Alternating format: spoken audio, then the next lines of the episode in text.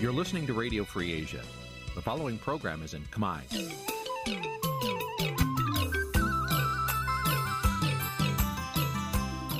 Nǐ chi càm bi tiệp xáy vệt chiu a zì sê ray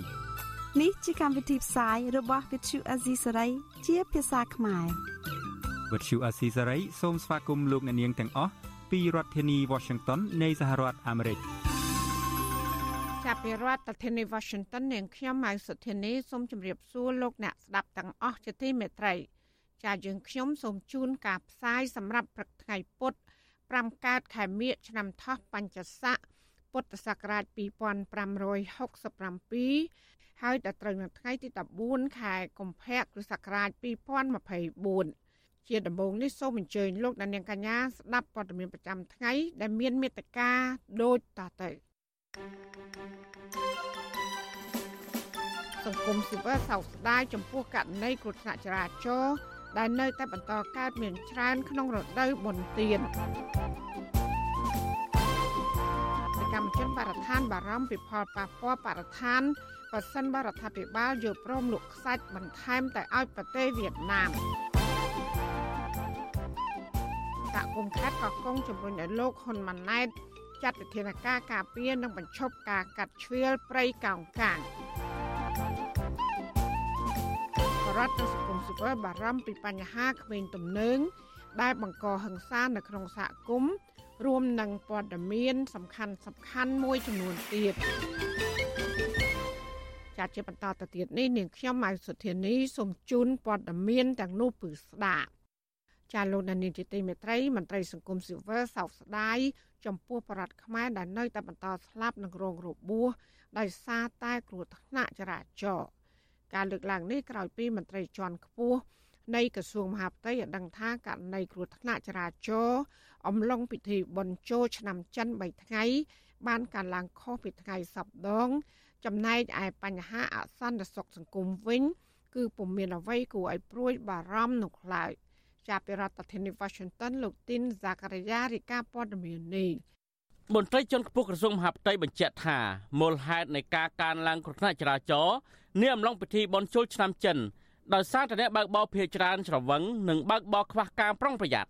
អ្នកនាំពាក្យរងក្រសួងមហាផ្ទៃលោកទុចសុខៈប្រាប់វិទ្យុអសិរ័យនៅថ្ងៃទី13កុម្ភៈថាសមត្ថកិច្ចនឹងមិនលើកលែងឲ្យបុគ្គលណាដែលបង្កការខូចខាត ឬបើកបររហូតបង្កគ្រោះថ្នាក់ដល់អាយុជីវិតដល់អ្នកដទៃនោះទេលោកបញ្ជាក់ថានគរបាលចរាចរណ៍នឹងបន្តចាត់វិធានការតឹងតែងចំពោះជនបើកបរល្មើសច្បាប់ហើយអ្នកបើកបរមានសារធាតុស្រវឹងបង្កគ្រោះថ្នាក់ដល់អាយុជីវិតអ្នកដទៃសមត្ថកិច្ចនឹងវាយខ្នោះដើម្បីកសាងសំណុំរឿងបញ្ជូនទៅតុលាការក្នុងករណីបុគ្គ លទាំងឡាយទាំងជនបរទេសទាំងខ្មែរបើកបរបណ្ដាលឲ្យអ្នកដទៃស្លាប់គឺចាំបាច់គឺត្រូវតែកសាងសំណុំរឿងបញ្ជូនទៅកាន់តុលាការហើយបើសិនជា អ្នកបង្កនោះមានសារធាតុញៀនឬក៏គ្រឿងសង្វឹងអានេះគឺជាស្ថានទម្ងន់ទោសដែលត្រូវតែអនុវត្តជាដាច់ខាតទី1ចាប់ខ្លួននៅកន្លែងបើសិនជាសមត្ថកិច្ចនៅកន្លែងកើតហេតុទី2វាយខ្នោះបញ្ជូនទៅកាន់ការិយាល័យដើម្បីកសាងសំណុំរឿងទី3ស្នើទៅកាន់តុលាការឲ្យដាក់អានទម្ងន់ទោសដើម្បីឲ្យបុគ្គលនោះរៀងចាលនិងអ្នកដទៃមានការខ្លាចរអាថែមទៀតរបាយការណ៍របស់អគ្គស្នងការនគរបាលជាតិឲ្យដឹងថារយៈពេល3ថ្ងៃនៃពិធីបុណ្យចូលឆ្នាំចិនពលគឺចាប់ពីថ្ងៃទី9ដល់ថ្ងៃទី11កុម្ភៈគ្រោះថ្នាក់ចរាចរណ៍បានធ្វើឲ្យមនុស្សស្លាប់ចំនួន23នាក់ចំណែក41នាក់ទៀតរងរបួសរបាយការណ៍បញ្ជាក់ថាដើមចំដែលកើតមានគ្រោះថ្នាក់ចរាចរណ៍ដោយសារតែការបើកបរមិនគោរពសិទ្ធិបើកបរលើសលើបួនកំណត់ និងបើកបរក្នុងស្ថានភាពច្រវឹងជាដើមសាច់ញាតិរបស់ជនរងគ្រោះម្នាក់ដែលស្លាប់នៅក្នុងគ្រោះថ្នាក់ចរាចរណ៍នាពិធីចូលឆ្នាំចិនក្រោយជនជាតិចិនម្នាក់បានបើកឡានបុកនៅម្ដុំផ្លូវ60ម៉ែត្រកាលពីថ្ងៃទី11កុម្ភៈគឺលោកវ៉ាន់វុធីលោកប្រាប់វិទ្យុអាស៊ីសេរីនៅថ្ងៃទី13កុម្ភៈថាមកទល់ពេលនេះប្អូនរបស់លោកឈ្មោះវ៉ាន់សំសីហៈដែលជាឪពុករបស់ក្មេងស្រីបាត់បង់ជីវិតកំពុងសម្រាប់ព្យាបាលជាមួយកូនប្រុសម្នាក់ទៀតអាយុ6ឆ្នាំ នៅមន្ទីរពេទ្យមួយកន្លែងក្នុងរាជធានីភ្នំពេញលោកបញ្ជាក់ថាតាមរយៈរបាយការណ៍ពេទ្យប្អូនរបស់លោកប៉ះពាល់ដល់ក្បាលធ្ងន់ធ្ងរនិងអាចឈានដល់ថ្នាក់ពិការចំណែកឯក្មួយប្រុសវិញ នៅមានស្មារតីល្អជាងឪពុកលោកឲ្យដឹងទៀតថាក្រុមគ្រួសាររបស់លោកកំពុងតែពិភាក្សារឹតដំណោះស្រាយតាមច្បាប់រកយុត្តិធម៌ជូនក្មួយស្រីបាត់បង់ជីវិត និងក្មួយប្រុសរួមទាំងប្អូនរបស់លោកកំពុងតែរងរបួសសម្រាប់ព្យាបាលពីព្រោះលោកអះអាងថាបើសិនជាជនជាតិចិន បើកបរបុកនោះត្រឹមតែចូលសារភាពក្នុងប៉ុស្តិ៍ប៉ូលីសសាច់ញាតិរបស់លោកមិនអាចទទួលយកបានឡើយ។ បងអូនស្រីបាត់បង់ជីវិតគាត់បាត់បង់ជីវិតហើយចំណែកខ្លួនគាត់នឹងគឺរងរបួសធ្ងន់បើតាមសម្ដីរបស់ពេទ្យថាអាចនឹងពិការទៀតតាមស្ថានភាពបើនិយាយថាបើចិនវិចិត្ររបស់ខ្ញុំគឺខ្ញុំទទួលយកបានទេតែមិនដឹងថាធ្វើយ៉ាងម៉េចបើច្បាប់វានៅតែជាច្បាប់អញ្ចឹងណាបងទោះបីជាយើងទទួលយកមិនបានយើងក៏ត្រូវតែទទួលដោយចិត្តបង្ខំដែរព្រោះចាប់បានជនបង្កមែនប៉ុន្តែមនុស្សដែលធ្វើថ្នាក់នោះវាធ្វើថ្នាក់ទៅហើយមនុស្សដែលបាត់បង់ជីវិតក៏វាបាត់បង់ជីវិតទៅហើយអញ្ចឹងវាគ្មានអ្វីអាចត្រឡប់មកក្រោយបានទៀតទេហើយពេលដែលធ្វើបុណ្យសពហ្នឹងគឺបានទេតែម្ដងដែរថាសុំពេទ្យចេញមកធ្វើសពកូននិងធ្វើបុណ្យឲ្យកូននឹងមកទាំងឈឺមកទាំងពេទ្យវាអនុញ្ញាតឲ្យមកធ្វើបុណ្យហ្នឹងសមត្ថកិច្ចរាជធានីភ្នំពេញបានចាប់ជនជាតិចិនម្នាក់ដែលបើកឡានបុកក្មេងស្រីម្នាក់បណ្ដាលឲ្យស្លាប់និងរបួស2នាក់កាលពីថ្ងៃទី13កុម្ភៈវិទ្យុអសិរ័យមិនអាចតតងស្នងការនគរបាលរាជធានីភ្នំពេញលោកជួននរិនដើម្បីសំសួរបន្ថែមជំវិញរឿងនេះបានឡើយទេនៅថ្ងៃទី13កុម្ភៈប្រធានអង្គការសម្ព័ន្ធភាពការពារសិទ្ធិមនុស្សកម្ពុជាកតាច្រា លោករស់សុថាតក់ស្លុតនិងសោកសង្រេងចំពោះពលរដ្ឋដែលបាត់បង់ជីវិតតាមដងផ្លូវដោយគ្មានការទប់ស្កាត់ឲ្យមានប្រសិទ្ធភាព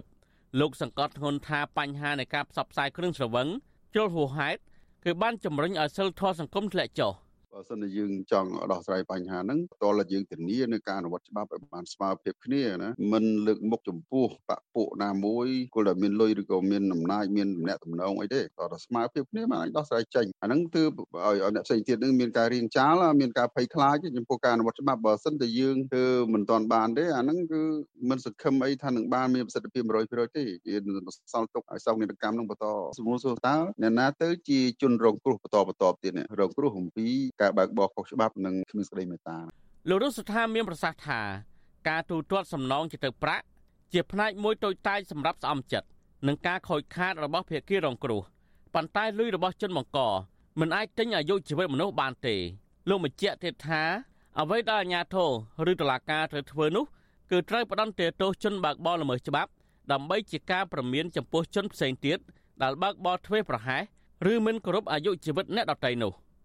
ខ្ញុំបាទទីនសាការីយ៉ាអស៊ីសេរី ប្រធានាធិបតី Washington ចាលោកដានៀងជាទីមេត្រីប្រជាប្រដ្ឋនិងមន្ត្រីសង្គមស៊ីវិលលើកឡើងថាបញ្ហាក្មេងទំនើងបង្កហិង្សានិងបង្ហោះម៉ូតូនៅតាមទីសាធារណៈបានធ្វើឲ្យប៉ះពាល់ការរស់នៅ និងការប្រកបរបរប្រចាំថ្ងៃរបស់ពួកគាត់ពួកគាត់យល់ឃើញថាបញ្ហានេះបណ្ដាលមកពីគុណភាពនៃការអប់រំនៅមានកម្រិតទាប និងឥទ្ធិពលអវិជ្ជមាននៃការវិវត្តសង្គមបានអូសទាញយុវជនឲ្យភ្លើតភ្លើននិងទំនើងកាន់តែខ្លាំងចាសសេចក្តីរាយការណ៍ពុស្ដាពីរឿងនេះលោកដានៀងនឹងបានស្ដាប់នាពេលបន្តិចទៀតនេះ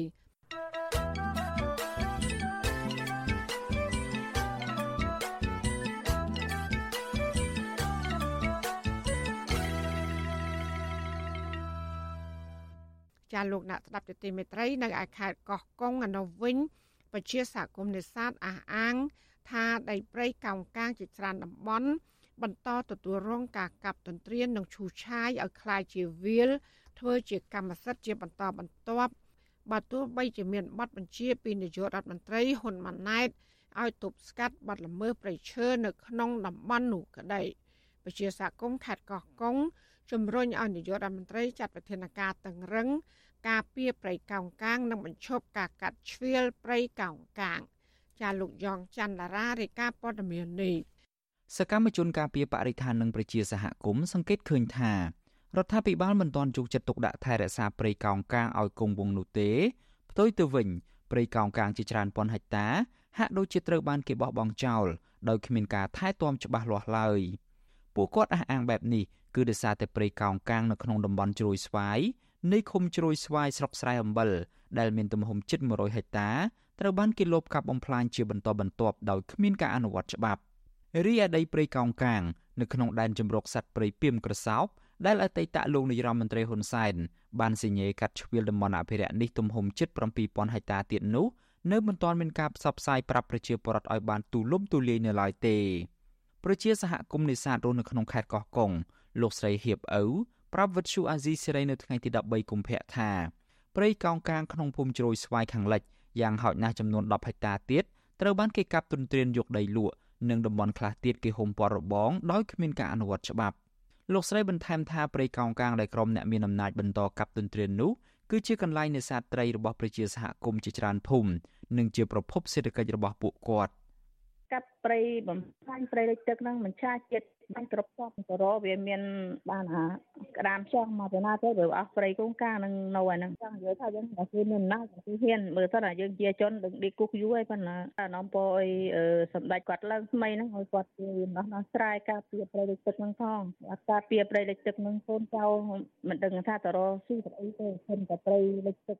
កាលពីថ្ងៃទី17ខែកក្កដាឆ្នាំ2023រដ្ឋាភិបាលបានសម្រេចកែប្រែដែនជំរកសត្វព្រៃពីមក្រសោបទំហំជាង23000ហិកតា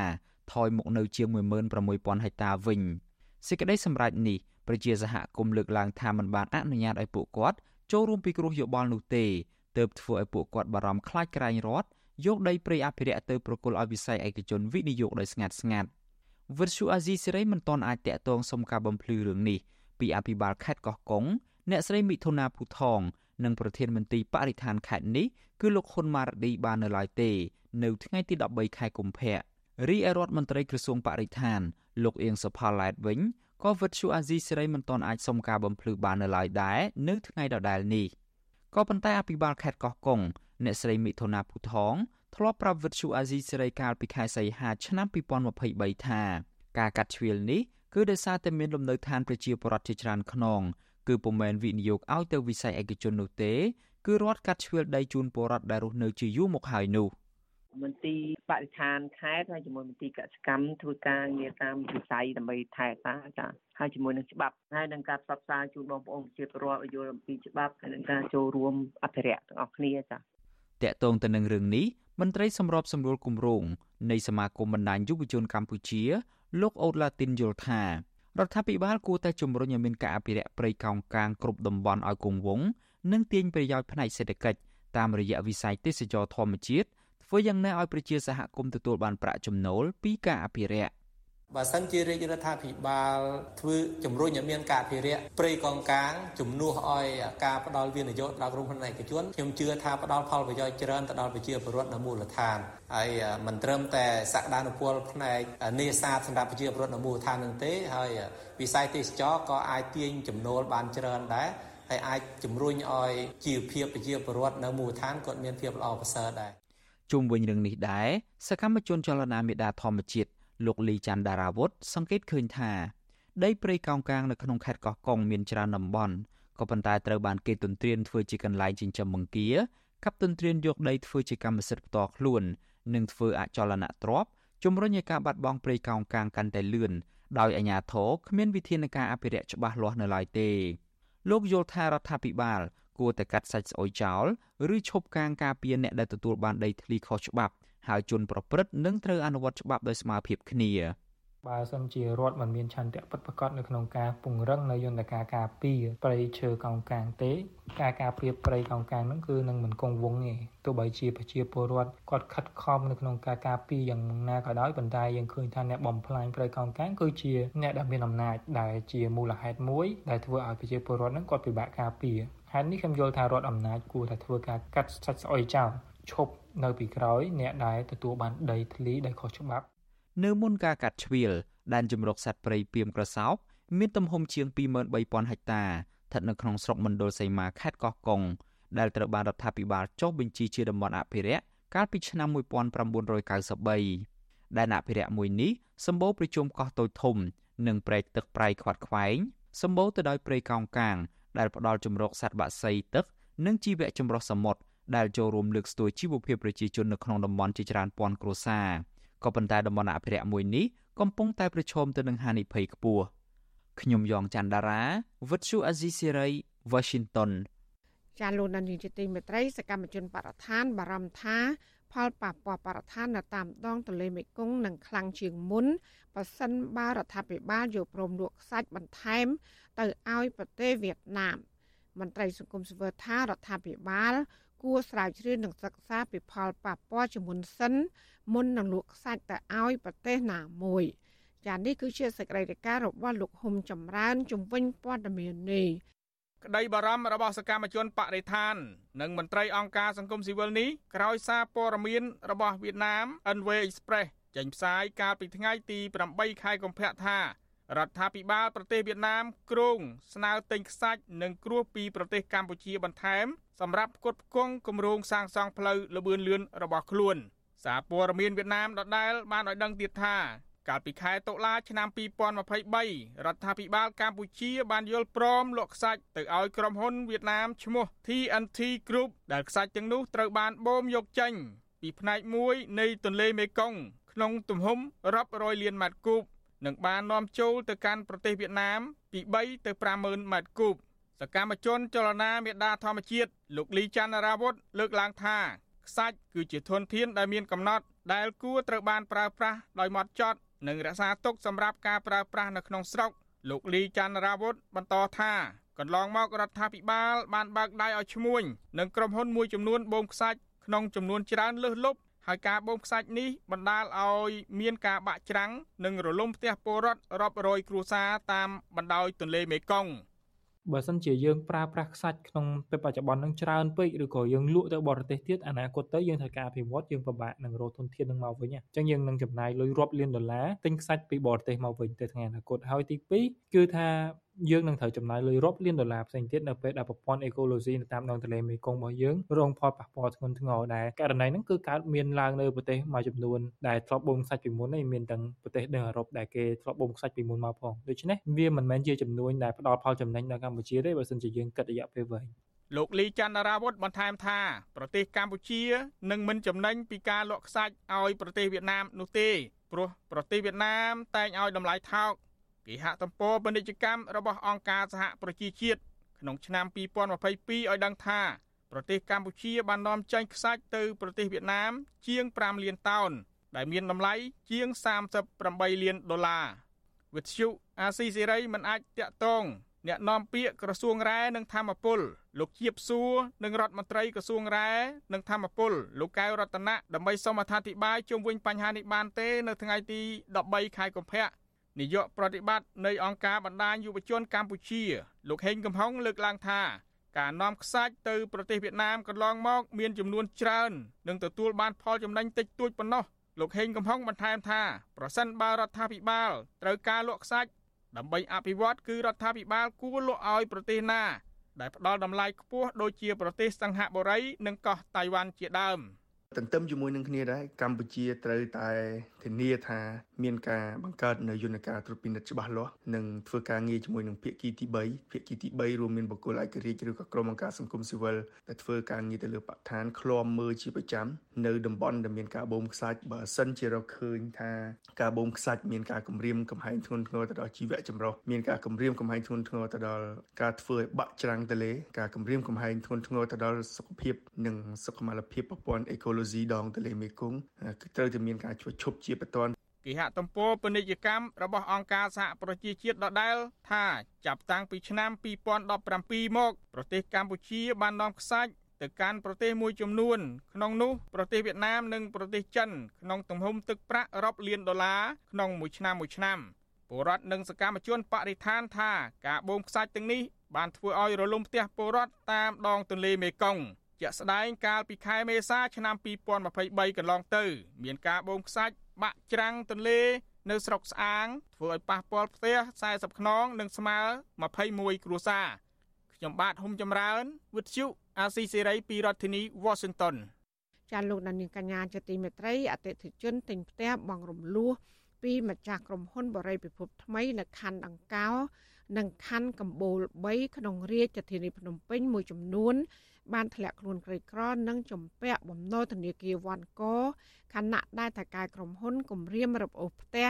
ហើយខ្លះទៀតត្រូវបានម្ចាស់បរិយាពិភពថ្មីរឹបអូសផ្ទះជាស្ថាពរពួកគាត់ថាការធ្លាក់ខ្លួនក្រីក្រនេះគឺដោយសារតែភាគីម្ចាស់បរិយាពិភពថ្មី និងរដ្ឋាភិបាលគ្មានការទទួលខុសត្រូវដោះស្រាយបញ្ហាជូនពួកគាត់ចាសសេចក្តីរាយការណ៍ពឹស្ដាមពីរឿងនេះ លោកដានៀងក៏នឹងបានស្ដាប់នាពេលបន្តិចទៀតនេះចាលោកនាងកញ្ញាជាទីមេត្រីដំណើរគ្នានឹងស្ដាប់ការផ្សាយរបស់វិទ្យុអសីស្រីតាមបណ្ដាញសង្គម Facebook YouTube និង Telegram លោកនាងក៏អាចស្ដាប់ការផ្សាយរបស់យើងតាមរយៈរលក ធាតុអាកាសខ្លីឬ Shortwave តាមកម្រិតនិងកម្ពស់ដូចតទៅ ចាប់ពីព្រឹកចាប់ពីម៉ោង5កន្លះដល់ម៉ោង6កន្លះតាមរយៈប៉ុស SW 93.90 MHz ស្មើនឹងកម្ពស់ 32m និងប៉ុស SW 11.85 MHz ស្មើនឹងកម្ពស់ 25m ចាសម្រាប់ពេលយប់វិញ គឺចាប់ពីម៉ោង7កន្លះដល់ម៉ោង8កន្លះគឺតាមរយៈប៉ុស SW 93.30 MHz ស្មើនឹងកម្ពស់ 32m ប៉ុស SW 11.88 MHz ស្មើនឹងកម្ពស់ 25m និងប៉ុស SW 15.15 MHz ស្មើនឹងកម្ពស់ 20m ចាសសូមអរគុណ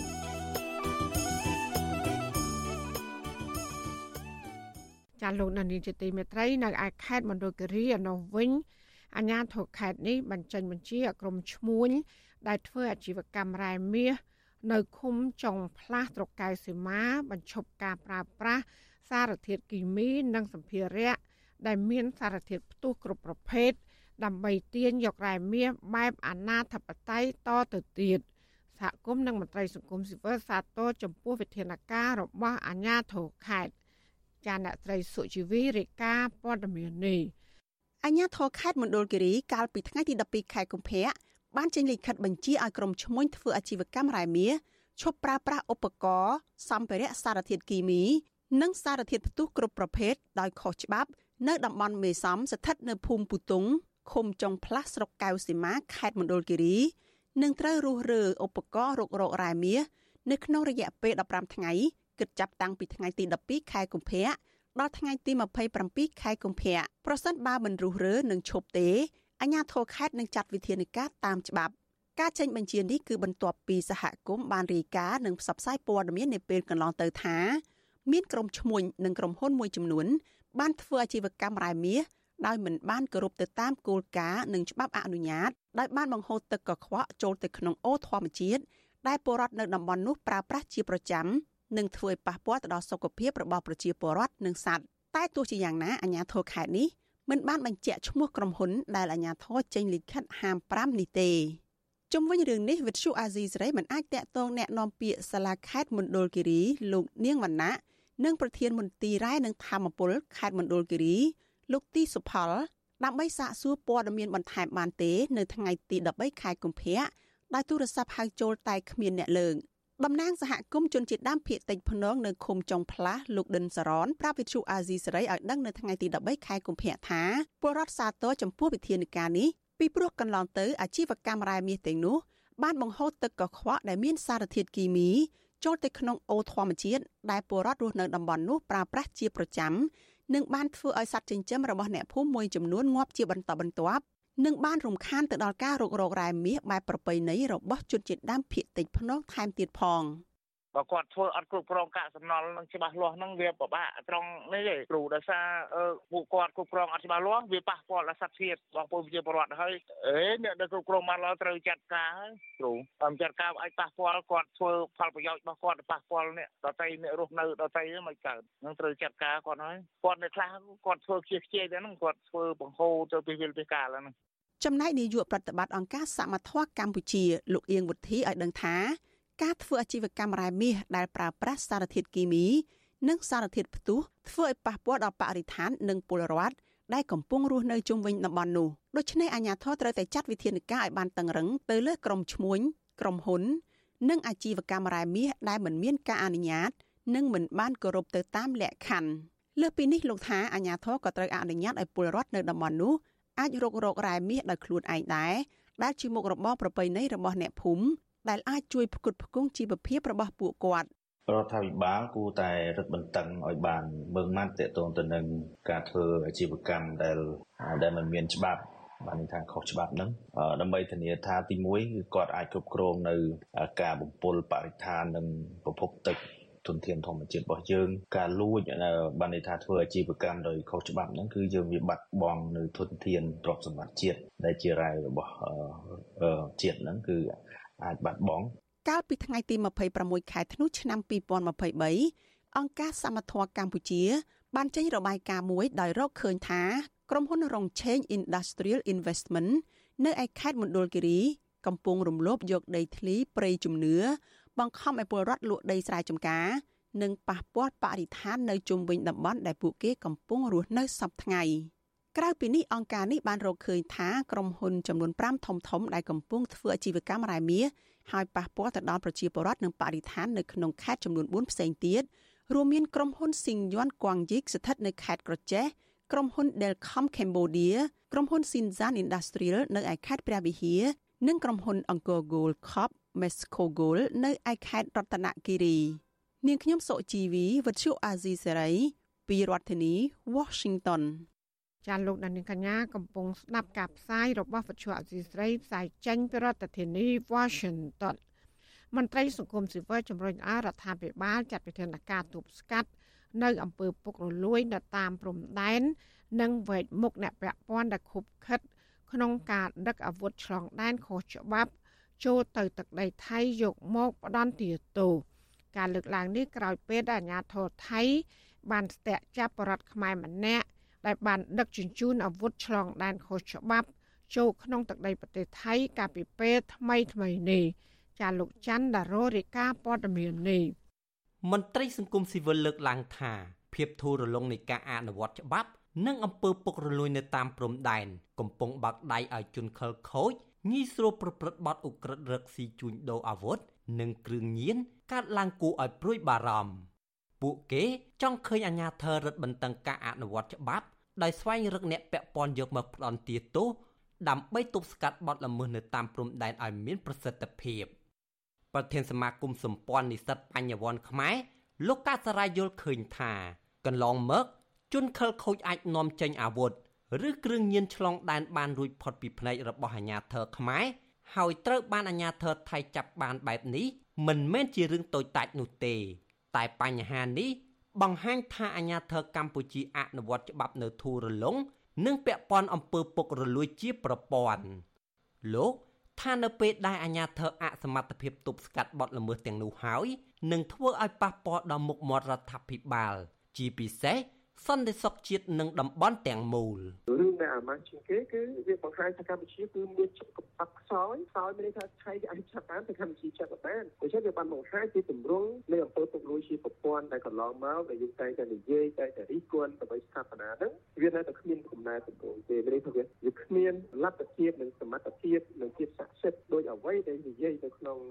យុទ្ធសាស្ត្ររបស់រដ្ឋាភិបាលទេដូច្នេះនេះហើយវាជារឿងមួយដែលរដ្ឋាភិបាលខ្លួនឯងផ្ទាល់នឹងវាត្រូវតែគិតពិចារណាហើយរៀបចំវាឡើងវិញធ្វើកំណែទម្រង់ដើម្បីស្ដារឲ្យបាននៅគេឈ្មោះកិត្តិយសប្រតិកម្មរបស់មន្ត្រីសង្គមស៊ីវិលនេះធ្វើឡើងបន្ទាប់ពីប៉ូលីសថៃបានចាប់ខ្លួនពលរដ្ឋខ្មែរម្នាក់ពាក់ព័ន្ធនឹងការដឹកអាវុធជាច្រើនដើម និងសារធាតុញៀនឆ្លងដែនតាមច្រកសមុទ្រចូលប្រទេសថៃកាលពីវេលាម៉ោង7:04ទីភ្លឺនៅថ្ងៃទី9ខែកុម្ភៈកាសែតបាងកកប៉ុស្តិ៍បានចុះផ្សាយថាកងទ័ពល្បាតជើងទឹកថៃ បានស្ទាក់ចាប់បរិសុជនជាតិខ្មែរម្នាក់អាយុ20ឆ្នាំ នៅស្រុកខ្លងយ៉ៃខេត្តត្រាតសមត្ថកិច្ចថៃរកឃើញកំភ្លើងវែងម៉ាក់ M16A1 ចំនួន2ដើមជាមួយបងកំភ្លើងចំនួន2កំភ្លើងវែងម៉ាក់ AK47 ចំនួន8ដើមជាមួយបងកំភ្លើងចំនួន45និងគ្រាប់កំភ្លើងម៉ាក់ AK47 ប្រមាណ1500គ្រាប់រួមទាំងទូរស័ព្ទដៃនិងគ្រឿងញៀនប្រភេទមេតាំហ្វេតាមីនមួយចំនួន និងឧបករណ៍ប្រើប្រាស់គ្រឿងញៀនជាដើមជុំវិញរឿងនេះអ្នកនាំពាក្យក្រសួងការបរទេសលោកជុំសន្តិរីប្រាប់វិទ្យុអាស៊ីសេរីតាមប្រព័ន្ធ Telegram ថាបច្ចុប្បន្នអាជ្ញាធរថៃកំពុងឃុំខ្លួនជនជាប់ចោតដើម្បីធ្វើការស៊ើបអង្កេត និងកសាងសំណុំរឿងបញ្ជូនទៅតុលាការលោកឲ្យដឹងថាស្ថានកុងស៊ុលកម្ពុជាប្រចាំប្រទេសថៃ កំពុងតាក់ទងជាមួយអាជ្ញាធរថៃ ដើម្បីផ្ដល់មេធាវីការពារឲ្យជនជាប់ចោតចំណែកករណីស៊ើបអង្កេត អ្នកពាក់ព័ន្ធការដឹកអាវុធឆ្លងដែនចូលទឹកដីថៃនេះលោកជុំសន្តិរីបញ្ជាក់ថាក្រសួងការបរទេសមិនមានសមត្ថកិច្ចនោះទេប៉ុន្តែលោកជឿថាអាញាធិបមានសមត្ថកិច្ចប្រកាសជាធ្វើការស៊ើបអង្កេតក្នុងរឿងនេះទោះជាយ៉ាងណាក្តីមន្ត្រីគម្រោងនៃមជ្ឈមណ្ឌលសម្ព័ន្ធភាពការងារនិងសិទ្ធិមនុស្ស របស់អង្គការសង្ត្រាល់លោកលឹងសុផុនមើលឃើញថាមូលហេតុដែលបទល្មើសទាំងនេះកើតឡើងទៅបាន ដោយសារមន្ត្រីពាក់ព័ន្ធថ្នាក់ក្រោមជាតិមិនបានយកចិត្តទុកដាក់ទប់ស្កាត់និងមិនបានអនុវត្តទៅតាមច្បាប់ឲ្យបានត្រឹមត្រូវទន្ទឹមនឹងនេះលោកឲ្យដឹងថារាល់បទល្មើសឆ្លងដែនជាពិសេសតាក់ទងការជួញដូរអាវុធនិងការជួញដូរគ្រឿងញៀនចូលទឹកដីថៃកន្លងមកប៉ូលីសប្រទេសនេះតែងតែចាប់ខ្លួន ដោយគិច្ចមិនផុតពីការផ្ដន់ទាទោស ដាក់ពន្ធនាគារឡើយខ្ញុំបាទច័ន្ទដារោវុទ្ធុអាស៊ីសេរីចាលោកដានៀងជាទីមេត្រីដែលឡាយពាក់ព័ន្ធនឹងរឿងសុខភាពវិញក្រសួងសុខាភិបាលនៅថ្ងៃទី13ខែកុម្ភៈម្សិលមិញបានរកឃើញអ្នកឆ្លងជំងឺអុតស្វាមួយករណីបន្ថែមទៀតដែលជាបរិះរស់នៅខណ្ឌចំការមនរាជធានីភ្នំពេញបច្ចុប្បន្នកម្ពុជាមានអ្នកឆ្លងជំងឺអុតស្វាកើនឡើង ចំនួន11ករណីហើយ ជំងឺនេះឆ្លងតាមរយៈការរួមភេទការប៉ះពាល់ដោយផ្ទាល់នៅលើដំបៅរាងកាយនិងសម្ភារៈប្រើប្រាស់ដែលមានមេរោគនេះតាមរយៈការប្រើស្លាបព្រានិងសម្លៀកបំពាក់រួមគ្នាជាដើមក្រសួងសុខាភិបាលរំលឹកឲ្យប្រជាពលរដ្ឋមានការប្រុងប្រយ័ត្នថែរក្សាសុខភាពផ្ទាល់ខ្លួននិងក្រុមគ្រួសារដើម្បីបង្ការការរាតត្បាតនៃជំងឺនេះអង្គការសុខភាពពិភពលោកបានដឹងថាគិតចាប់ពីខែឧសភាឆ្នាំ2022 រហូតមកដល់ថ្ងៃទី25ខែមករាឆ្នាំ2024មានអ្នកឆ្លងជំងឺអុតស្វាសរុបជិត1សែនអ្នកហើយនិងមានអ្នកស្លាប់សរុបចំនួន176នាក់នៅលើពិភពលោកចាលោកនានីជាទីមេត្រីកោតកល Nagawal ប្រមាណ10នាក់បាននាំគ្នាដល់លូបការនៅកោះពេជ្រដើម្បីរកប្រាក់ចំណូលផ្គត់ផ្គង់ជីវភាពប្រចាំថ្ងៃ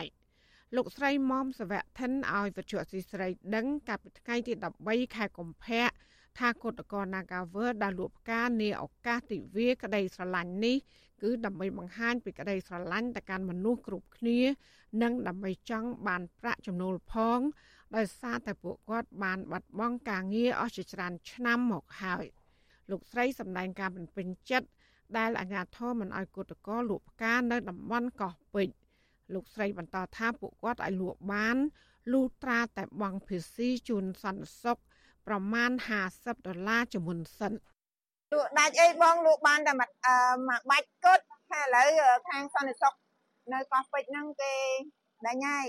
គេឲ្យលក់ទេហើយទោះជាយើងសុំថាអធិស្ឋានទៅព្រោះយើងអត់ដែរបានលក់អីយើងលក់តែក្នុងអាកាសនឹងអញ្ចឹងលក់តែមួយថ្ងៃមិនមិនដល់មួយថ្ងៃហ្នឹងប្រហែលម៉ោងហ្នឹង អត់ព្រមទេនៅនៅនៅនៅឲ្យយើងអឺចាញ់ឥឡូវអើបដាបដាហើយហើយចាំផាសអេប្រាប់ថាចាំផាសអេបងមកយកហើយនៅអត់ព្រមទៀតគតកោណាកាវលអះអាងថាបាច់ផ្កាដែលពួកគាត់បានរចនាចងជាបាច់ច្បាច់នេះ គឺជាការសម្រិតសម្រាំងធ្វើឡើងដោយផ្ទាល់ដៃរបស់ពួកគាត់យ៉ាងយកចិត្តទុកដាក់បាច់ផ្កានេះដាក់លក់ក្នុងតម្លៃចាប់ពី10000រៀលទៅ80000រៀលក្នុងមួយបាច់ គឧតកោនាការវលបានធ្វើកុតកម្មអស់រយៈពេលជាង2ឆ្នាំមកហើយក្រោយពីពួកគេត្រូវបានថៅកែបញ្ឈប់មេដឹកនាំសហជីពនិងបាននាំគ្នាចេញតវ៉ាថ្មីថ្មីនេះក្រុមគុតកោ Nagawal បាននាំគ្នាធ្វើយុទ្ធនាការទៀមទាយុទ្ធធរនិងជំរុញឲ្យលោកហ៊ុនម៉ាណែតចេញមុខដោះស្រាយដោយផ្ទាល់ដើម្បីបញ្ចប់វិវាទការងារនៅក្រុមហ៊ុន Nagawal នេះ មកដល់ពេលនេះមិនទាន់មានការឆ្លើយតបពីលោកនាយករដ្ឋមន្ត្រីហ៊ុនម៉ាណែតនៅឡើយ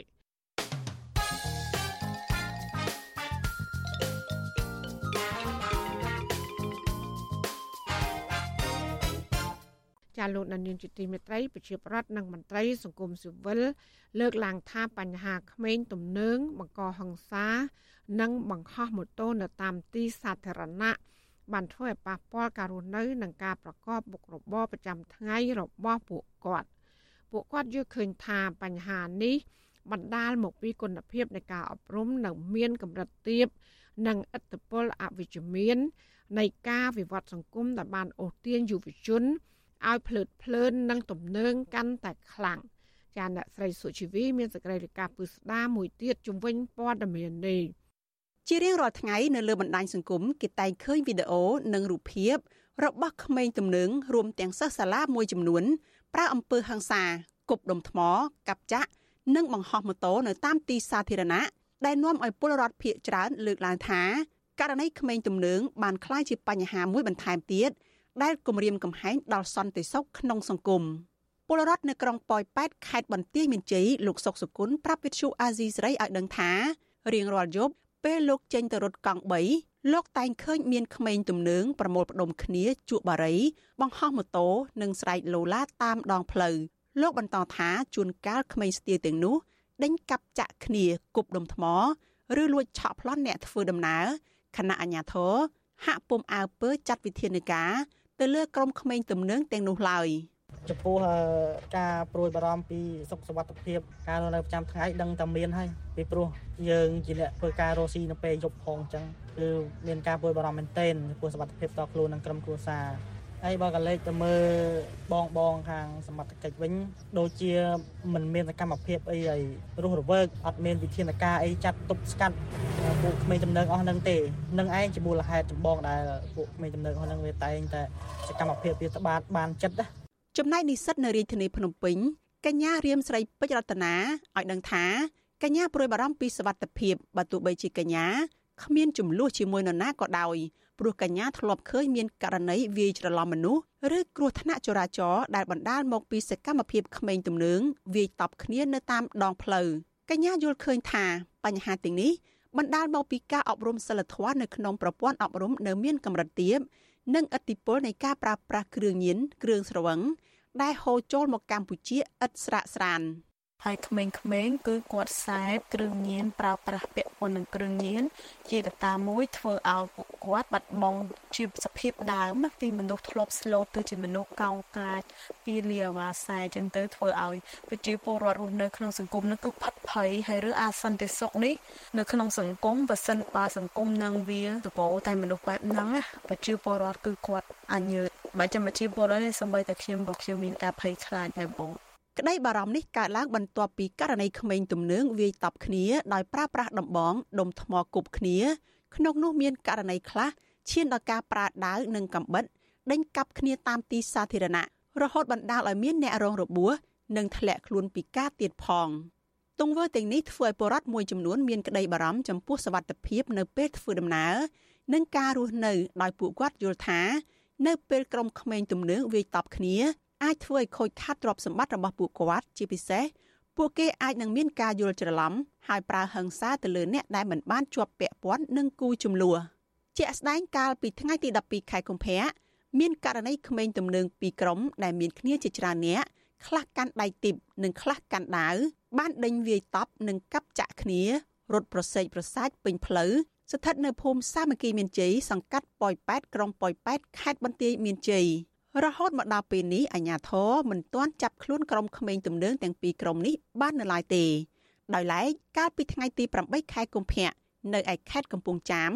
មានករណីក្មេងទំនើង2នាក់បានយកដាវកាប់ទៅលើជនរងគ្រោះមានគ្នា2នាក់ដោយសារជនរងគ្រោះមើលមុខពួកគេបណ្ដាលឲ្យម្នាក់ឈ្មោះក្រិតភិរុនភេទប្រុសអាយុ28ឆ្នាំដាច់កដៃខាងឆ្វេង និងរយះកែងដៃឆ្វេង និងម្នាក់ទៀតរបួសស្មាឆ្វេងប ច្ចុប្បន្នជនសង្ស័យនិងវត្ថុតាងត្រូវកម្លាំងជំនាញមូលដ្ឋានកងរាជអាវុធហត្ថក្រុងកំពង់ចាមរៀបចំកសាងសំណុំរឿងបញ្ជូនទៅតុលាការដើម្បីចាត់ការតាមនីតិវិធីបញ្ហាក្មេងទំនើងវាយតប់គ្នានេះមិនមែនមានតែនៅក្នុងសហគមន៍ឬទីសាធារណៈនោះទេ នៅតាមសាលារៀនមួយចំនួនក៏មានសិស្សខ្លះបានចងក្រគ្នាជាក្រុមនិងបង្កចំនួនជាមួយក្រុមសិស្សដែលរៀននៅសាលាផ្សេងទៀតសិស្សរៀននៅវិទ្យាល័យ10មករានៅក្នុងខេត្តសៀមរាប យុវជនឈិនមេងអ៊ីប្រាប់ថាសិស្សសាលាមួយចំនួននៅក្នុងក្រុងសៀមរាប បានចងក្រគ្នាជាបកពួកវាយតប់គ្នានិងគំរាមកំហែងទៅដល់សិស្សមួយចំនួនទៀតដែលខិតខំរៀនសូត្រយុវជនឈិនមេងអ៊ីសង្កេតឃើញថាមូលហេតុដែលនាំឲ្យមានការវាយតប់គ្នាទាំងវងបែបនេះគឺបណ្ដាលមកពីចំនួននៅលើបណ្ដាញសង្គម Facebook និង TikTok ដែលកើតចេញពីការនិយាយឌឺដងគ្នាតាមរយៈ comment និងការផ្ញើសារ រហូតមានការណាត់ជួបដើម្បីបើកឆាកប្រយុទ្ធគ្នាជាក្រុមក្រុមនឹងមានបងធំទៀតបងធំនឹងអ្នកចាប់គោឲ្យវាយណាមានរឿងអានឹងអ្នកវាយឲ្យវាយមួយស្មើក្មេងទំនើងទាំងនោះភាគច្រើនមានអាយុចាប់ពី14ឆ្នាំដល់ជាង25ឆ្នាំជួនកាលជាសិស្សសាលាខ្លះឈប់រៀននិងខ្លះគ្មានមុខរបរច្បាស់លាស់ដោយពួកគេប្រមូលផ្ដុំគ្នាជាក្រុមជាក្រុមទីតាំងដែលពួកគេជួបជុំគ្នាភ ieck ច្រើននៅតាមរមណីយដ្ឋាន ហាងកាហ្វេក្បែរសាលារៀន និងនៅតាមទៀមស្រាមួយចំនួនពួកគេមានចរិតឆេវឆាវនិងចូលចិត្តប្រើអំពើហិង្សាដើម្បីដោះស្រាយសូម្បីតែរឿងតូចតាចដូចជានៅពេលមាននរណាម្នាក់មើលមុខឬជិះម៉ូតូកាត់មុខជាដើមវិទ្យុអាស៊ីសេរីមិនអាចតាក់ទងแนะនាំពាក្យរងក្រសួងមហាផ្ទៃលោកទូចសុខៈអ្នកនាំពាក្យអគ្គស្នងការដ្ឋាននគរបាលជាតិលោកឆៃកឹមខឿនដើម្បីសុំការបកស្រាយជុំវិញរឿងនេះបានទេ នៅថ្ងៃទី13ខែកុម្ភៈ របាយការណ៍ក្រសួងមហាផ្ទៃកាលពីថ្ងៃទី12ខែកុម្ភៈបង្ហាញថាក្នុងអំឡុងពេលចូលឆ្នាំចិនចាប់ពីថ្ងៃទី9ដល់ថ្ងៃទី11ខែកុម្ភៈកម្លាំងនគរបាលជាតិនៃក្រសួងមហាផ្ទៃបានបង្ក្រាបក្រុមក្មេងទំនើងទូទាំងប្រទេសចំនួន8ករណីនិងឃាត់ខ្លួនចំនួន50នាក់តកតិននៅរឿងនេះប្រធានអង្គការអប់រំយុវជនដើម្បីអភិវឌ្ឍនិងសន្តិភាពលោកបូពៅលើកឡើងថាការរឹតបន្តឹងច្បាប់និងដាក់ពិន័យឲ្យធ្ងន់ធ្ងរទៅលើក្មេងទំនើង ទើបជាវិធានការដែលមានប្រសិទ្ធភាពដើម្បីអប់រំពួកគេឲ្យកែខ្លួនឡើងវិញលោកបន្តថាសកម្មភាពក្មេងស្ទាវទាំងនេះមិនត្រឹមតែធ្វើឲ្យប៉ះពាល់ទៅដល់សុខសวัสดิភាពពលរដ្ឋប៉ុណ្ណោះទេ តែវាបានធ្វើឲ្យជនបរទេសខ្លាចញញើតលែងហ៊ានមកប្រទេសកម្ពុជាផងដែរ សូម្បីតែបរទេសចុះពីសន្តាគារដើមមកវាឆក់កាបូបឆក់អីឃើញយំលហេមហាមតែកាបូបហ្នឹងស្ពាយប៉ាសពតហើយវាឆក់ប៉ាសពតទៅបាត់ហើយអញ្ចឹងអញ្ចឹងវាអាចអាក្រក់ទៅដល់សង្គមយើងតើយើងនាំគ្នាប៉ុន្តែពលរដ្ឋនឹងនាំគ្នាមិនទេអានឹងតើអាជ្ញាធរអ្នកចូលរួមអ្នកដែលប្រើប្រាស់សិទ្ធិប្រើប្រាស់ទួនាទីអំណាចកាប់ប្រកិច្ចប្រកបទប់ស្កាត់ពង្រឹងច្បាប់ហើយកាត់បន្ថយអំពើពុករលួយទៅស្អីស្អីក៏វាប្រសើរឡើង ប្រជាពលរដ្ឋនិងមន្ត្រីអង្គការសង្គមស៊ីវិល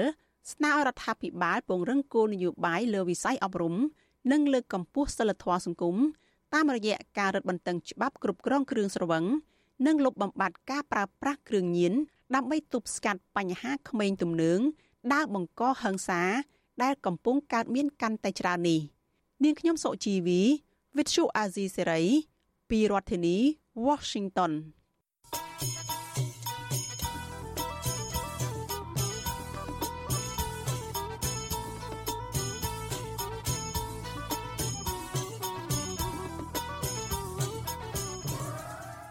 ចាលោកអ្នកស្ដាប់ទទីមេត្រីអតិថិជនទិញផ្ទះបង់រំលោះ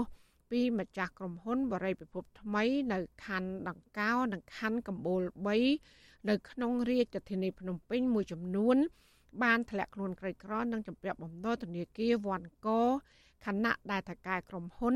គម្រាមរឹបអូសផ្ទះឲ្យខ្លះទៀតត្រូវបានម្ចាស់បរិយពិភពថ្មីរឹបអូសផ្ទះជាស្ថាពរពួកគាត់អះអាងថាការធ្លាក់ខ្លួនក្រីក្រនេះ គឺដោយសារតែភាគីខាងម្ចាស់បរិយាពិភពថ្មី និងរដ្ឋាភិបាលគ្មានទំនួលខុសត្រូវដោះស្រាយបញ្ហាជូនពួកគាត់ចាលោកយ៉ងច័ន្ទតារាមានសេចក្តីរាយការណ៍ពឹស្ដាជំវិញព័ត៌មាននេះដូចតទៅអតិថិជនបងរំលោះបរិយាពិភពថ្មីមួយចំនួន បង្ខំចិត្តដើរលក់ដូរតាមរោងចក្រនិងអ្នកខ្លះទៀតកាត់បន្ថយការចំណាយដើម្បីសន្សំប្រាក់បន្តិចបន្តួចទុកផ្គត់ផ្គង់ជីវភាពគ្រួសារ ការខិតខំប្រឹងប្រែងរកលុយដើម្បីចិញ្ចឹមជីវិតទាំងថ្ងៃទាំងយប់នេះគឺដោយសារតែពួកគាត់ជួបវិបត្តិសេដ្ឋកិច្ចអស់លទ្ធភាពបង់រំលោះផ្ទះហើយថៅកែក្រុមហ៊ុនបរិយពិភពថ្មីបែរជាមិនព្រមទទួលទិញផ្ទះពីអតិថិជនទៅតាមកិច្ចសន្យាអតិថិជនបង់រំលោះបរិយពិភពថ្មីនៅក្នុងខណ្ឌកំពូល3លោកស្រីអនសៀនបរិយឲ្យវិទ្យុអាស៊ីសេរីដឹងថាលោកស្រីប្រឹងប្រែងរកប្រាក់ស្ទើរតែពេញមួយជីវិតដើម្បីបង់រំលោះផ្ទះក៏ប៉ុន្តែក្រោយពីមានវិបត្តិសេដ្ឋកិច្ចមក ធ្វើឲ្យលោកស្រីអស់លទ្ធភាពបង់រំលោះបន្តលោកស្រីបន្តថាម្ចាស់ក្រុមហ៊ុនបូរីពិភពថ្មីគ្មានទំនួលខុសត្រូវចំពោះអតិថិជនឡើយពលគឺម្ចាស់បូរីសន្យានឹងទទួលទិញផ្ទះត្រឡប់ទៅវិញចំនួន50%ប្រសិនបើអតិថិជនគ្មានលទ្ធភាពបង់បន្តនោះ។ បើសិនជាគាត់អត់គោរពនៅគោលការណ៍ដែលគាត់ថតសន្យាពីមុនមកទេដែលគាត់ទិញចូល50%ហ្នឹងគឺខ្ញុំហើយនិងបងប្អូនដទៃទៀតនឹងចាប់ដើមធ្វើសកម្មភាពបន្តទៀតបងយើងនឹងធ្វើការតវ៉ាទាមទារយកលុយយើងមកវិញយកព្រមចោះចាញ់ទេបងដោយសារលុយយើងម្នាក់ម្នាក់នៅក្នុងហ្នឹងគឺរាប់ម៉ឺនរាប់ពាន់ម្នាក់ម្នាក់ខ្លះ4 5ម៉ឺនអ្នកខ្លះវិញគឺគេរបស់យកផ្ទះអ្នកខ្លះពេលដល់ថ្នាក់គេដាក់ពាក្យបណ្ដឹងវិញកាលពីខែតុលាឆ្នាំ2023 អតិថិជនបរិយពិភពថ្មី បានចេញតវ៉ាជាច្រើនលើកមុខហើយដើម្បីឲ្យលោកអុកញ៉ាហុងពីវគោរពទៅតាមគោលការណ៍តែងផ្ទះត្រឡប់ទៅវិញ នៅក្នុងតម្លៃ50%កការតវ៉ានេះធ្វើឲ្យថៅកែក្រុមហ៊ុនព្រមទទួលទិញត្រឡប់វិញក៏ប៉ុន្តែការទទួលទិញនេះគឺមានចំនួនតិចតួច ហើយអតិថិជនលក់ផ្ទះឲ្យថៅកែក្រុមហ៊ុនវិញ ខាតស្ទើរតែគ្មានលុយនៅសល់អតិថិជនបរិយពិភពថ្មីម្នាក់ទៀតគឺលោកស្រី P Dali ថ្លែងថា លោកស្រីបានបង្ខំចិត្តលក់ផ្ទះទៅឲ្យក្រុមហ៊ុនវិញដោយទទួលបានប្រាក់ចំនួន6000ដុល្លារនៃប្រាក់បង់សរុបចំនួន24000ដុល្លារអាមេរិក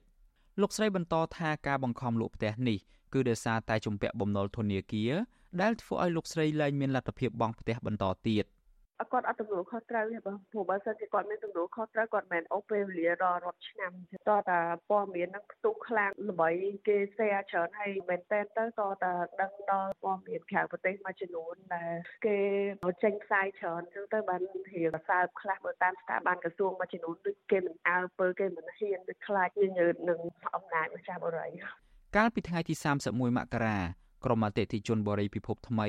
បានផ្ទុះការតវ៉ាជាថ្មីម្ដងទៀត ក្រោយពីផ្ទះរបស់ពួកគាត់ត្រូវបានម្ចាស់បូរីប្រមានរឹបអូសនិងអ្នកខ្លះត្រូវម្ចាស់បូរីរឹបអូសជាស្ថាពរនោះអតិថិជនបូរីពិភពថ្មី នៅក្នុងខណ្ឌដង្កោលោកស្រីបានសុផល ដែលក្រុមហ៊ុនរឹបអូសយកផ្ទះជាស្ថាពរនោះរៀបរាប់ថា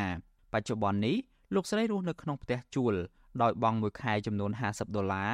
និងដើរលក់កំពឹសជៀននៅតាមរោងចក្រដើម្បីរកលុយចិញ្ចឹមចៅចៅចំនួន4នាក់ស្ត្រីវ័យ57ឆ្នាំរូបនេះបន្តថា លោកស្រីបងរំលោះផ្ទះអស់លុយជិត30000ដុល្លារអាមេរិកដោយលក់ទ្រព្យសម្បត្តិអស់ពីខ្លួនដើម្បីបងរំលោះ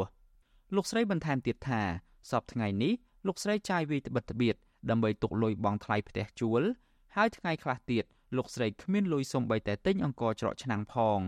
ខ្ញុំចង់ផ្ដាំលោកអុកញ៉ាហ្នឹងឲ្យគាត់ជួយដោះស្រាយឲ្យខ្ញុំ50%វិញមកព្រោះការទិញមានគាត់ដាក់កិច្ចសន្យាទិញចូលវិញ50%ហើយដល់ពេលហើយដល់ហើយគាត់លុបកិច្ចសន្យាខ្ញុំចោលហើយគាត់អត់ទិញហើយឲ្យខ្ញុំបង់បន្តហើយផ្ទះខ្ញុំ50000ជាងខ្ញុំបង់បានចិត្ត30000ចឹងហើយឲ្យខ្ញុំបង់បន្តទៅ30ឆ្នាំមួយខែ500ជាងខ្ញុំមានលទ្ធភាពណាបង់រាល់ថ្ងៃរហូតបានហ្នឹង វិទ្យុអាស៊ីសេរីមិនអាចតាក់ទងតំណាងក្រុមហ៊ុនបូរីពិភពថ្មីដើម្បីសុំការបកស្រាយជុំវិញបញ្ហានេះបាននៅឡើយទេ នៅថ្ងៃទី13ខែកុម្ភៈវិទ្យុអាស៊ីសេរីក៏មិនទាន់អាចតាក់ទងប្រធានអង្គភិបអ្នកនាំពាក្យរដ្ឋាភិបាលលោកប៉ែនបូណានិងអ្នកនាំពាក្យក្រសួងរៀបចំដែនដីលោកសេងលូតដើម្បីសាកសួរអំពីរឿងនេះបាននៅឡើយដែរនៅថ្ងៃដដែលនេះទោះជាយ៉ាងណា កាលពីពេលថ្មីថ្មីនេះក្រុមហ៊ុនបូរីពិភពថ្មី និងមេធាវីរបស់ម្ចាស់បូរី បានចេញលិខិតព្រមានរឹបអូសយកផ្ទះប្រសិនបើអតិថិជនទាំងអស់ខកខានបង់ជូនក្រុមហ៊ុនហើយករណីអតិថិជនមិនបានបង់ប្រាក់តាមការជូនដំណឹងនេះទេភាគីក្រុមហ៊ុននឹងរឹបអូសយកផ្ទះវិញទៅតាមកិច្ចសន្យាទិញលក់ហើយចំពោះសម្ភារៈទាំងអស់នៅក្នុងផ្ទះក្រុមហ៊ុនមិនទទួលខុសត្រូវឡើយជាងនេះទៅទៀតផ្ទះរបស់អតិថិជនបរិយាពិភពថ្មីមួយចំនួនក៏ត្រូវបានក្រុមហ៊ុនបរិយាពិភពថ្មីចាក់សោពីខាងក្រៅនិងដាក់ស្លាកថា ផ្ទះរបស់ក្រុមហ៊ុនអនុវត្តតាមកិច្ចសន្យាជុំវិញបញ្ហានេះនាយកផ្នែកតស៊ូមតិនៃមជ្ឈមណ្ឌលសិទ្ធិមនុស្សកម្ពុជា លោកសួនយុទ្ធជាមានប្រសាសន៍ថារដ្ឋាភិបាលមានកាតព្វកិច្ចធានាទៅដល់ការបើកអាជីវកម្មរបស់ក្រុមហ៊ុនឯកជនដូច្នេះរដ្ឋាភិបាលក៏ត្រូវធានាដោះស្រាយបញ្ហា នៅពេលដែលក្រុមហ៊ុនឯកជន មានវិវាទជាមួយនឹងប្រជាពលរដ្ឋដែរលោកសួនយុទ្ធជាបន្តទៀតថាទំនាស់ដែលកើតចេញពីការរំលោភសិទ្ធិពីសំណាក់អ្នកមានលុយមានអំណាច ភិជាច្រើនប្រជាពលរដ្ឋគឺជាអ្នករងភាពអយុត្តិធម៌ ក្នុងរដ្ឋធម្មនុញ្ញរបស់យើងយើងប្រកាន់យកលទ្ធិប្រជាធិបតេយ្យសេរីភូប៉ាបានន័យថាយើងគោរពនៅគោលការណ៍សិទ្ធិមនុស្សហើយយើងបានផ្ដល់សច្ចាប័នទៅឲ្យកតិកាស្រីពីសិទ្ធិមនុស្សជាច្រើនដូច្នេះរាល់ការរំលោភសិទ្ធិដែលកើតមានឡើងគឺរដ្ឋដែលទទួលបានអាណត្តិសាធារណៈពីប្រជាពលរដ្ឋតាមរយៈការបោះឆ្នោតហ្នឹងត្រូវដោះស្រាយហើយនឹងរកយុត្តិធម៌ជូនពួកគាត់ហើយក្នុងករណីដែលរដ្ឋមិនអាចផ្ដល់យុត្តិធម៌ជូនពួកគាត់ទេបានន័យថាពួកគាត់អស់ជំនឿទៅលើយុត្តិធម៌សង្គមដែលបរាជ័យក្នុងការផ្ដល់យុត្តិធម៌ជូនពួកគាត់កន្លងទៅអតិថិជនទិញផ្ទះ បានដាក់ញត្តិស្វែងរកកិច្ចអន្តរាគមន៍ពីក្រសួងដែនដីដើម្បីជំរុញឲ្យថៅកែក្រុមហ៊ុនបូរីពិភពថ្មីដោះស្រាយបញ្ហាជូនពួកគាត់ក៏ប៉ុន្តែរដ្ឋមន្ត្រីក្រសួងដែនដីលោកសាយសំអាល់ហាក់ធ្វើមិនដឹងមិនឮចំពោះទុកលំបាករបស់ប្រជាពលរដ្ឋនោះទេការអូសបន្លាយអស់រយៈពេល75ខែមកនេះបានធ្វើឲ្យអតិថិជនមួយចំនួនធ្លាក់ខ្លួនក្រីក្រទៅរស់នៅក្នុងផ្ទះជួលនិងអ្នកខ្លះជំពាក់បំណុលធនាគារវ៉ាន់កដោយសារតែពួកគាត់ខ្ចីលុយធនាគារយកមកបង់រំលោភផ្ទះ ហើយអ្នកខ្លះទៀតប្រឈមទៅនឹងវិបត្តិផ្លូវចិត្តធ្ងន់ធ្ងរនិងបញ្ហាសុខភាពពីព្រោះពួកគាត់កាត់បន្ថយការហូបចុកក្រុមអតិថិជនបរិយាពិភពថ្មីចំនួនជិត200គ្រួសារព្រមមានថាពួកគាត់នឹងចេញតវ៉ាសារជាថ្មីទៀតនៅខាងមុខផ្ទះរបស់លោកហ៊ុនសែនប្រសិនបើក្រសួងដែនដីនិងថៅកែក្រុមហ៊ុនបរិយពិភពថ្មីនៅតែគ្មានដំណោះស្រាយសមរម្យជូនពួកគាត់ទៀតទេនោះខ្ញុំយ៉ងច័ន្ទដារាវិទ្យុអាស៊ីសេរី Washington ា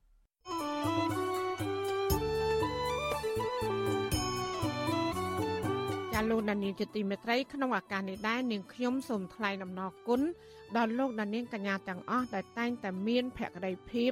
ចំពោះការផ្សាយរបស់យើងហើយចាត់ទុកការស្ដាប់វិទ្យុអសីសេរី គឺជាផ្នែកមួយនៃសកម្មភាពប្រចាំថ្ងៃរបស់លោកអ្នកការគ្រប់គ្រងរបស់លោកដានៀងនេះហើយដែលធ្វើយើងខ្ញុំមានទឹកចិត្តកាន់តែខ្លាំងថែមទៀត ក្នុងការស្វែងរកនិងផ្តល់ព័ត៌មានជូនដល់លោកដានៀងចាំមានអ្នកស្ដាប់អ្នកទេសនាកាន់តែច្រើនកាន់តែធ្វើឲ្យយើងខ្ញុំមានភាពស្វាហាប់មោះមុតជាបន្តទៀតចាយើងខ្ញុំសូមអរគុណទុកជាមុន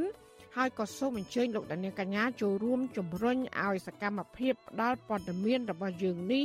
កាន់តែជោគជ័យបន្ថែមទៀតលោកដានៀងអាចជួយយើងខ្ញុំបាន ដោយគ្រាន់តែចុចចែករំលែកឬ share ការផ្សាយរបស់យើងនេះនៅលើបណ្ដាញសង្គម Facebook និង YouTube ទៅកាន់មិត្តភ័ក្តិដើម្បីឲ្យការផ្សាយរបស់យើងនេះបានទៅដល់មនុស្សកាន់តែច្រើនចាសសូមអរគុណ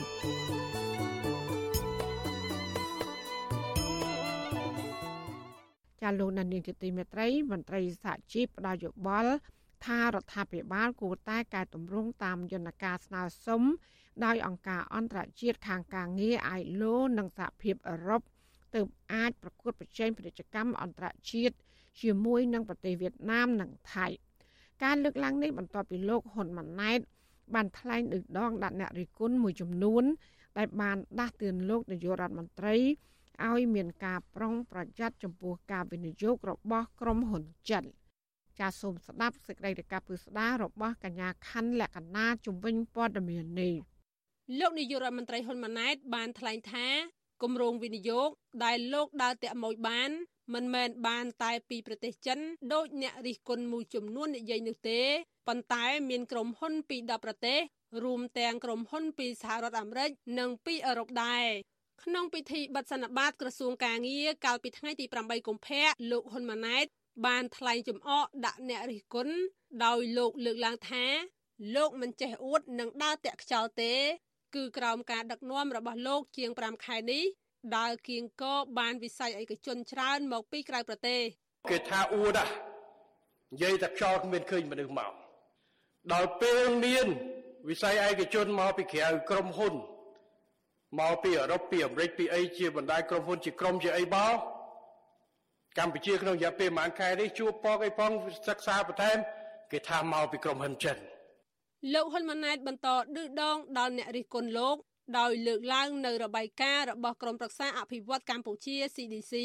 ថាមានគម្រោងវិនិយោគបង្កើតថ្មីចំនួន172គម្រោងគិតជាទុនវិនិយោគជិត4000លានដុល្លារ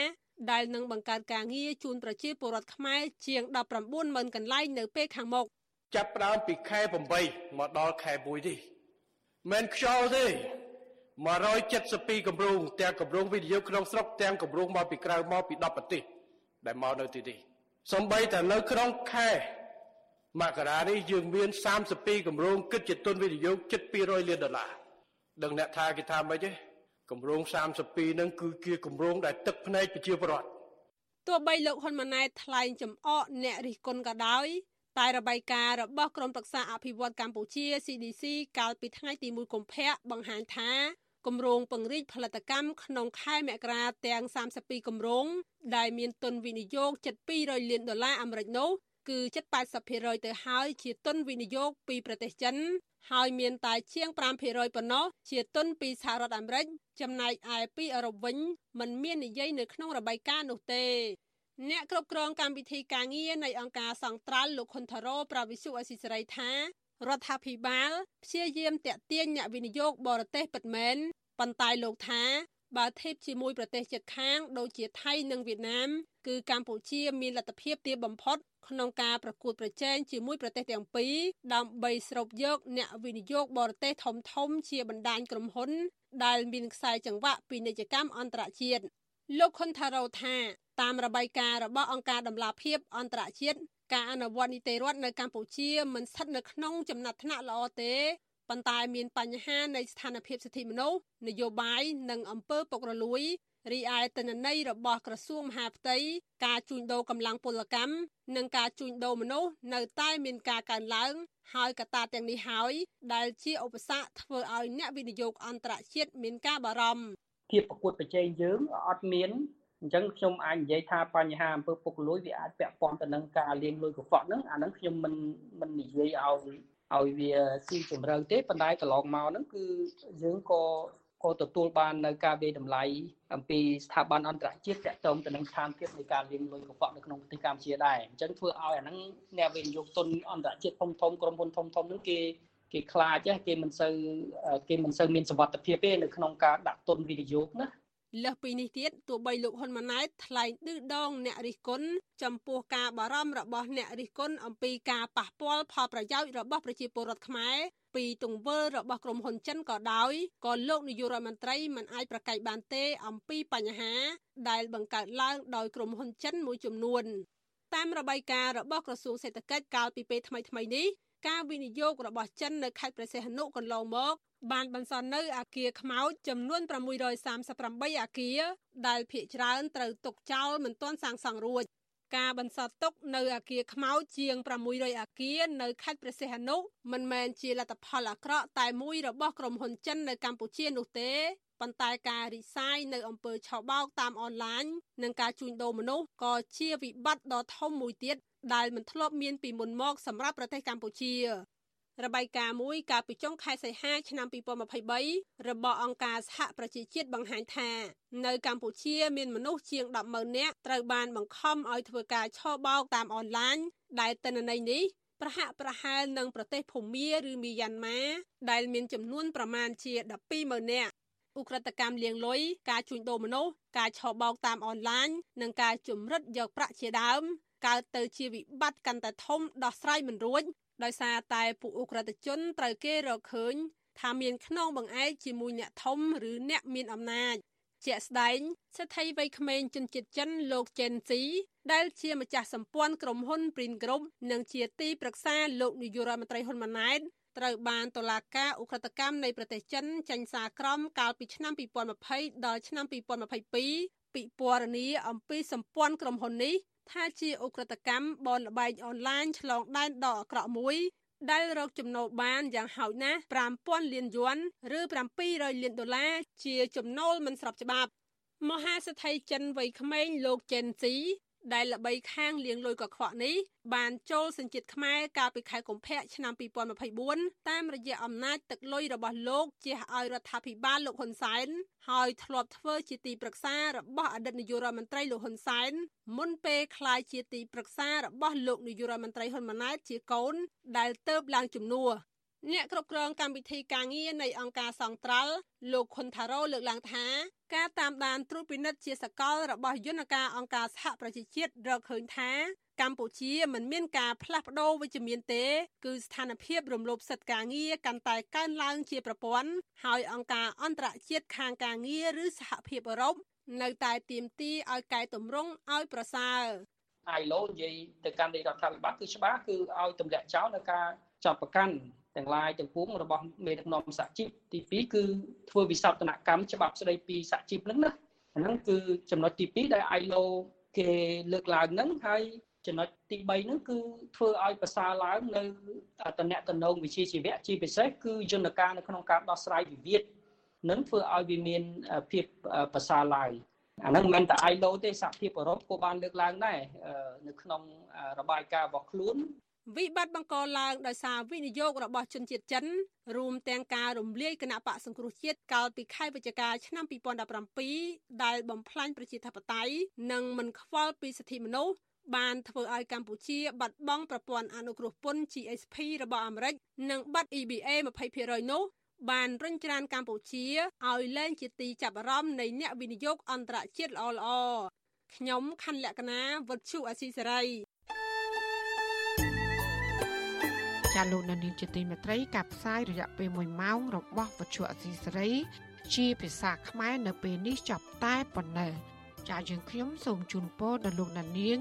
ព្រមទាំងក្រុមគូសាទាំងអស់សូមជួបប្រកបតែនឹងសេចក្តីសុខសេចក្តីចម្រើនកុំបីឃ្លៀងឃ្លាតឡើយ